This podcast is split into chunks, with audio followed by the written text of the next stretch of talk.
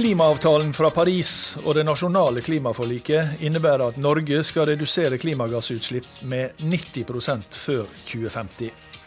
For å nå fram til lavutslippssamfunnet så må kommunesektoren være en nøkkelaktør. Det høres jo flott ut, men hva betyr det? Der livet leves, en podkast fra KS. Velkommen til en ny episode av KS-podden Der livet leves. Jeg heter Kjell Erik Saure.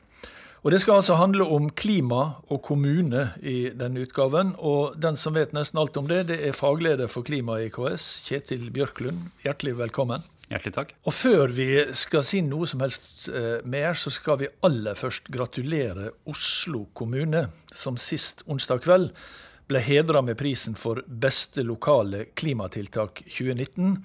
Det skjedde på Zero-konferansen 2019, onsdag kveld, altså. Og de vant prisen for utslippsfrie anleggsplasser. Og da har vi eh, gratulert dem, og vi skal ikke si mer om det nå, men hjertelig gratulerer til Oslo kommune, altså. Men så, Kjetil. Eh, det er mer enn tre år siden eh, dere presenterte rapporten 'Kortreist kvalitet' på Arendalsuka i 2016. Den handler om kommunesektoren sin rolle i arbeidet med å utvikle lavutslippssamfunnet. Og det må vi jo si, det er en rapport som ikke har lidd skjebnen til en del andre rapporter og, og havnet i en skuff. Hva er, har, hva er, det som har, skjedd etter dere presenterte den? Nei, men Det som vel skjedde med den Vi var jo ganske konkrete da vi stilte det spørsmålet til, disse, til Cicero og de to andre som gjorde den for oss. ja, Kanskje vi skal bare si det med en gang. Det var, det var Cicero, det var og så var det Civitas. Civitas og Insam. Og Insam. Og Civitas har altså ingenting med Civita å gjøre. Nei, nei, nei, det, nei, det er et uh, helt annet selskap. Ja, ja. Nei, det vi gjorde da, var jo å stille det spørsmålet. For vi så jo at dette var i, var i utvikling. Og så, så, var poenget hvordan skal dette konkretiseres? Hvordan skal en jobbe med dette rent faktisk for å greie denne store omstillinga som det å bli et lavutslippssamfunn faktisk er? Mm. Og det den rapporten gjorde, eh, var jo å komme med noen anbefalinger innafor tre områder. Bygg, transport og mat. Ja. Og den sa jo da i, i prinsipp at uh, vi må gjennomføre de tiltakene som er raske og lette osv. Uh, de som alle jobber med, men vi må også greie å gjennomføre tiltak som omstiller oss til et lavutslippssamfunn, altså redusere behovet for ressurser. Ja. Uh, og det traff jo tydeligvis en uh, nerve. Vi har vært veldig mye ute og presentert uh, det materialet. Og det er blitt tatt i bruk i strategiske dokumenter mange plasser i landet. Mm. Så den traff jo. Og så har vi jo da nå gitt den ut på ny, og vi har, uh, har laga en slags organisasjon rundt dette, dette arbeidet mm. med flere Og dere har laga ei egen nettside som heter kortreistkvalitet.no. Ja. Eh, der ligger eh, også noen sånne korte filmsnutter om prosjektet, og vi skal høre litt fra et par av dem. Eh, aller først skal vi høre på Hege Westskog, som er forsker ved Cicero, Senter for klimaforskning, og en av forfatterne bak rapporten. La oss høre hva hun sier. Kortreist kvalitet er å tilpasse klimapolitikk til den lokale konteksten på en kvalitativ god måte. I samarbeid eh, med KS etablerer vi nå et nettverk som skal samarbeide om å få fram de gode løsningene for omstilling. Så har vi ett element som vi alltid trekker fram, og det er dette vi kaller institusjonalisering. Klimapolitikk til nå, på lokalt nivå, har vært veldig prega av ildsjeler. Det er en som syns det er kjempegøy å drive med klima, og så blir det denne ene personen alt henger på. Vi må tenke nytt på den måten som gjør at det har eh, en langtidshorisont, ikke bare denne ene personen. Ja, og denne vakre musikken skyldes altså at dette er klipp fra en film som ligger på uh, nettsida kortreistkvalitet.no. Og Kjetil, uh, hun snakka om institusjonalisering framfor ildsjelene. Mm. Hva ligger i dette institusjonalisering? Altså Først må vi huske på at dette handler om omstilling. Og Noe av grunnen til at dette har så stor interesse, er jo det at veldig mange er opptatt av altså Det fins vel ingen kommune eller fylkeskommune som ikke er opptatt av omstilling.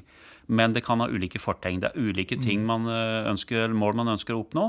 Eh, men man må da omstille sin egen organisasjon, og det bidra til at det lokalsamfunnet som finnes rundt, tar i bruk de fortrinnene man har. Mm. Eh, så omstilling handler ikke bare om at kommunen skal gjøre noe annerledes. Det handler om at man skal bruke rollen som kommune eller fylkeskommune inn i en bredere prosess. Og da er det jo dette med institusjonalisering. Det handler jo, altså det er jo riktig som Hege sier, at det, det har tradisjonelt vært litt slik at Den som er mest ivrig, den som har fått merkelappen, har fått ansvaret. Men klimautfordringen er jo en utfordring som omfatter alle sektorer. Mm. Alle eh, tiltak vi driver med, enten om har som ambisjon å ja, på alle områder, de har en effekt på klimautslippene. Og Derfor må vi tenke at måten å få dem ned på også involverer alle aktører. Både i de ulike sektorene i kommunen, men også i det samfunnet kommunen er i. Jeg tror altså. dette var en, en, en, glimrende inngang til det, det, det, neste og siste kuttet vi skal høre fra, eh, fra, fra, denne filmen. og Det er da fra Arendal, og fra Ragnhild Hammer, som er klima- og miljørådgiver i Arendal kommune. Og Hun sier at de har klart å få til en rutine som gjør at de nettopp ikke er avhengig av en eller to ildsjeler, men at klima er noe lederne faktisk må rapportere på. Vi skal høre.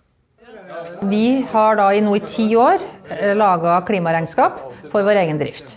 Det betyr at vi eh, fører regnskap med hvor mye vi forbruker av fossilt drivstoff til våre kjøretøy. Vi fører regnskap med hvor mye strøm vi bruker, og hvilken type strøm vi bruker. Og vi fører regnskap med hvor mye vi reiser. Ja, eh, Hvor mange kommuner eh, Kjetil, gjør som Arendal, har et eget klimabudsjett? Altså, vi, vi, fører ingen statistikk på det, men veldig mange, og jeg vil si de aller fleste eh, kommuner, har et bilde av hva som er situasjonen, altså en form for regnskapsførsel. Og Den er jo igjen noe egenrapportering, og så er den en Miljødirektoratets utslippsstatistikk, som vi har vært med å utvikle, mm. og kanskje noen andre, noen andre ting. Eh, så, så, man har et, et overblikk. Dette blir jo ekstra interessant når man lager et klimabudsjett. For det, jo, eh, for det er jo, noe, det er en ganske logisk sammenheng med at hvis det er noe du skal regnskapsføre, så må du også budsjettere noe. Mm. Og det er jo det vi ser nå i stadig sterkere grad, at noen går foran. Oslo har jo gått uh, kraftig foran. Flere fylkeskommuner, Trondheim uh, også. Og noen småkommuner har begynt å lage klimabudsjett. Og det er jo en måte å lage ei, ei linje i styringssystemet som gjør at du tenker på noe før du setter i gang, og rapporterer når du har gjennomført. Mm. Og da har du jo på en måte masse, eller flere store prosjekter som går på det nå. Både å lage veiledning på klimabudsjettering, men også lage ny og utvikla metodikk på det. Mm. Og du, da ja. Ja. Nei, altså, jeg, jeg, bare tenker på, du, du, du sa Oslo, og Trondheim, og så sa du noen småkommuner. Er det jeg holdt på å si, Er dette et arbeid som passer like godt for, for, de, for, for, små som for store, eller er dette et arbeid som først og fremst må gjøres av de største kommunene? Nei, altså klimatiltak kan alle landets kommuner gjøre. Det er skalaen som er forskjellig. Mm. Eh, Men er det viktigst i de store?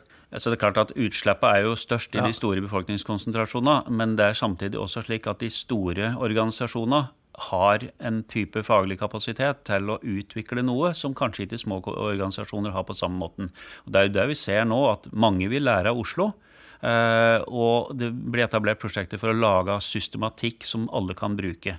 Og det er jo mye av det vi driver med på dette området. Handler om å lage verktøy som gjør at alle kan være habile til å gjennomføre på, på, sine områder. Men det er klart det er store skalaforskjeller, store kompetanseforskjeller, kapasitetsforskjeller i norske mm. kommuner. Det vet vi jo alle. Men det gjelder da å bruke de metoder man har for å overvinne det. I et lokalsamfunn så, så handler det jo ikke bare om kommunens organisasjon, det handler om den de utdanningstilbudene som finnes, det handler om de organisasjonene som er, det næringslivet som er. Og så må vi huske på at norske kommuner har jo fått sin organisering i utgangspunktet pga. at det fantes naturressurser. Ja. Det var det som gjorde at vi etablerte oss på alle steder i dette landet. Og etter hvert så var det energiressurser og så ble det transportmuligheter. Mm. Så norske lokalsamfunn er jo bygd opp rundt de lokale mulighetene. Og det er der vi også må ta tak nå for å finne ut ja, hvordan skal vi jobbe rent konkret med dette. Ja. Og det er da vi sier at kommunen må på en måte utvikle seg fra å være på en måte en eh, tjenesteprodusent eh, og, og ha de rollene som er knytta til egen produksjon, og til å være en samfunnsaktør ja. og bruke rapporten, sin rolle. I rapporten, Kjetil, så, så, så så, og du har nevnt det, du også. Eh, det, det, anbefales det særlig det er tre områder. Det er, det er, bygg, transport og mat, der kommunene enkelt kan gjøre en stor innsats. Eh, og Det er jo fordi disse temaene også, eller disse områdene står for en stor andel av utslippene. Men hvordan kan kommunene gjøre det, også de som da ikke er med i dette nettverket kortreist kvalitet? Så Hvis vi ser på utslippsstatistikken, så er veldig stor del av de utslippene som er knytta til en kommune, er knytta til transporten. Mm. Og forholdet eh, transport handler jo grunnleggende sett om hvor folk bor, hvor de arbeider og hva de besøker. og det har sammenheng med arealbruken. Så arealbruken har effekt på transport, og derfor er det viktig å ta tak i det. Det jobber jo veldig mange med. Det handler om fortetting, knutepunktsutvikling og alle de tiltakene der, som handler om å gå fra en mer energieffektiv bil, som jo da er på en måte det første man skal gjøre, til å gjøre grep som får ned transportbehovet. Får til det som vi kaller bedre funksjonsblanding. Det er slik med deg og meg òg, at hvis vi skal gjøre fire ting om dagen, og en av dem gjør at vi må ta med oss bil, da har vi med oss bilen på de tre andre òg. Ja. Så det gjelder på en måte å, organisere et samfunn på den måten at vi slipper å dra med oss denne bilen til alle øh, Det betyr også at disse, disse, plassene vi skal da, for å si det sånn i løpet av dagen, de må ligge nær hverandre? Ja, eller ha et tilbud som gjør at du kan komme deg til og fra uten å bruke den bilen. Eller iallfall et godt bytteforhold som gjør at du kan få brukt den bilen bare til det det, det, er, det, det er nødvendig. Mm. Altså Det er sånne enkle ting. Så arealpolitikken er helt vesentlig. Og så er det jo sjølsagt eh, innkjøpspolitikken, anskaffelsespolitikken. Kommunesektoren er store. Eh, veldig store. Og så eier jo vi bygga og infrastrukturen eh, vår sjøl i, i, Norge, og der er det jo et stort potensial. Det er tre områder. Ja. Mat som tema ble jo brukt i den rapporten fordi mat er et ressurs, eh, altså Det er et tema som handler om naturressurser, men det handler også om atferd og forbruk. og Mye av dette handler om at vi skal ha med oss befolkningen. Befolkningen og hele lokalsamfunnet. Og da må vi se etter hvilke områder. Men, men hoved, hovedpoenget her er å gå fra å bruke litt mindre ressurser i hver enkelt uh, aktivitet vi driver med, til å forebygge behovet for uh, energibruk. Altså, ja. Ja. Jeg, jeg, ser også, eh, det står uh, i, i, rapporten at kommunene har stor grad av frihet til å velge tilnærming til klimautfordringen, som det står. Uh, de kan jo faktisk velge å bare forholde seg til det de er pålagt gjennom lov. Men så slås det også fast at de har et betydelig mulighets- og handlingsrom når det gjelder å engasjere seg jeg holdt på å si, Hva er det det store gross av kommunene velger? Er det å gjøre lit, så lite som mulig, eller er det sagt, å gjøre så mye som mulig? Det varierer veldig. Det er kommuner som ikke er veldig godt i gang. De aller fleste jobber med dette temaet på ulike måter. Eh, omstilling jobber nesten alle med, eh, og særlig også fordi vi har strukturreformer i, i offentlig sektor. Eh, men det er mange som jobber med dette uten å nødvendigvis kalle det for omstilling til lavutslippssamfunnet. Mm.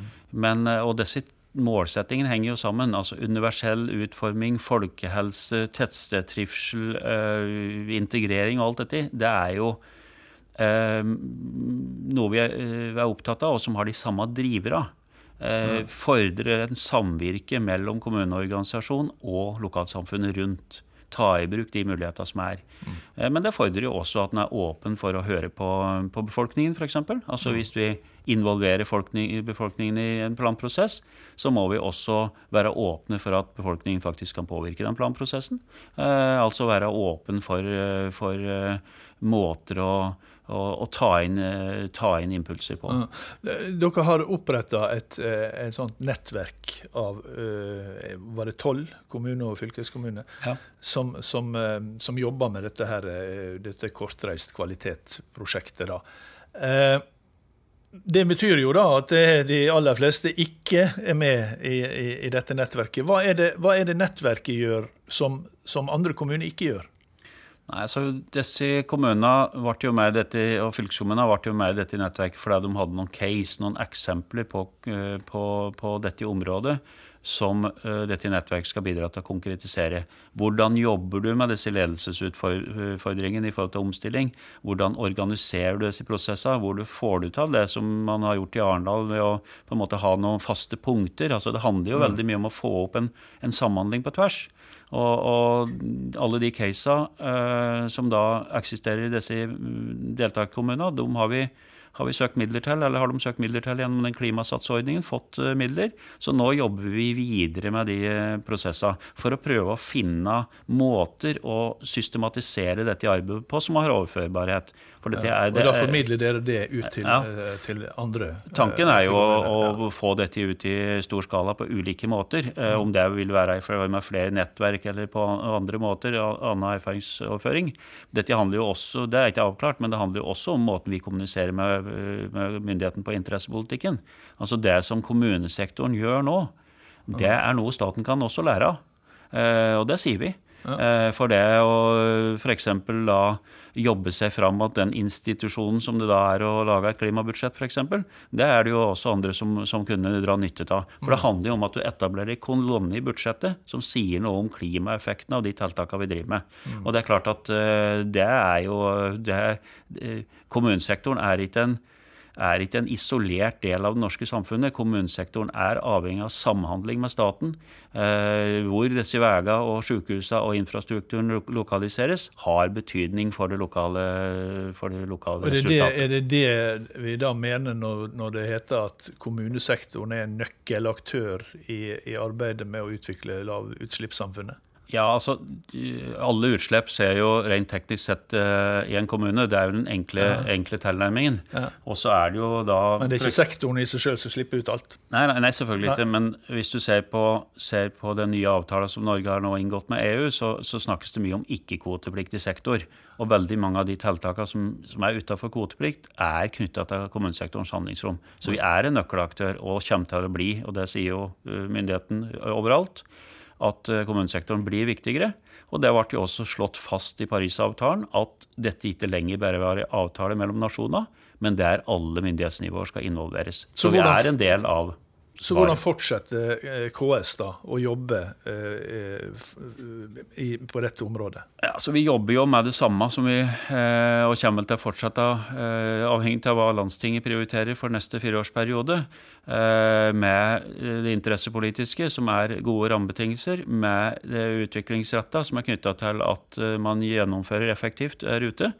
Uh, og at vi bidrar med verktøyutvikling på områder der kommunene trenger verktøy. Vi lager jo nå f.eks. et arealdataverktøy som gjør at du skal kunne regne effekten i samarbeid med statlige myndigheter, som gjør at du skal kunne regne effekten av kommunenes arealplaner i, på, i, transport, uh, mm. i transporteffekten. Er det, er, det, er det, et morsomt arbeid i den forstand at dere får stor respons og det er stor interesse for det der ute, eller må dere, må dere liksom gnage og gnage og prøve å komme dere på? Nei, det er Nå har jo jeg jobba her i KS i denne runden siden 2006. Og jeg vil si at de par siste åra, og kanskje siste året, så har det vært ekstrem pågang. Så vi blir invitert med i forskningsprosjekter. Vi blir involvert i de mest interessante prosesser som foregår eh, ute hos våre medlemmer. Så det er jo et veldig Det er jo en, en jobb der man føler at det er, at det er interesse. Det er det ingen tvil om. Jeg skjønner det. Det var så vidt jeg fikk eh, kleppa tak i det i 20 minutter til opptaket her. Takk skal du ha, Kjetil Bjørklund, fagleder for klima eh, her i KS. Det var den episoden av eh, Der livet leves. Den lages av Tormod Ugelstad og Kjell Erik Saure. Eh, send tips, eh, ideer, ros og ris til Der livet leves at ks.no. Der livet leves i ett ord. Alfakrøll ks.no. Og vi kommer med ny episode hver fredag. Ha det bra. Der livet leves, en podkast fra KS.